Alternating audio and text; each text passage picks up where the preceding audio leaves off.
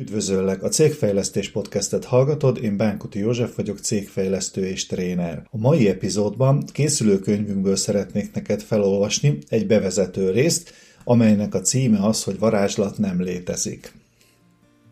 Varázslat nem létezik? Gyerekként hiszünk a csodákban, hiszünk a mesékben, hisszük, hogy egy mesebeli tündér vagy varázsló képes egy pillanat alatt megvalósítani álmainkat.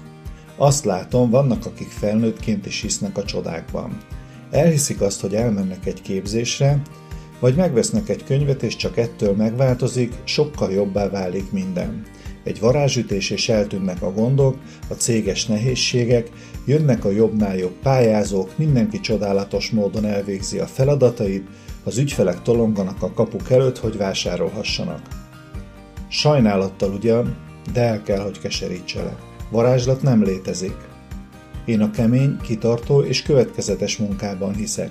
Hiszem, hogy hosszú távon csak ez térül meg. Az persze lehet, hogy majd a konkurenseid, irigyeid, csodálóid azt látják, hogy varázsló vagy. Mert csodálatosan működik a céged, és fantasztikus munkatársakkal dolgozol. De te tudni fogod, hogy ez nem a véletlen és nem csoda, hanem annak a befektetett időnek, tudásnak, munkának a következménye, amit a múltban elvégeztél. A legalkalmasabb időpont egy diófa ültetésére 20 évvel ezelőtt volt. A másik legalkalmasabb időpont most van. Kínai közmondás.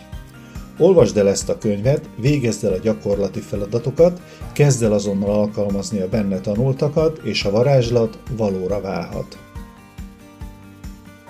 Ennyi volt a bevezető, remélem, hogy tetszett.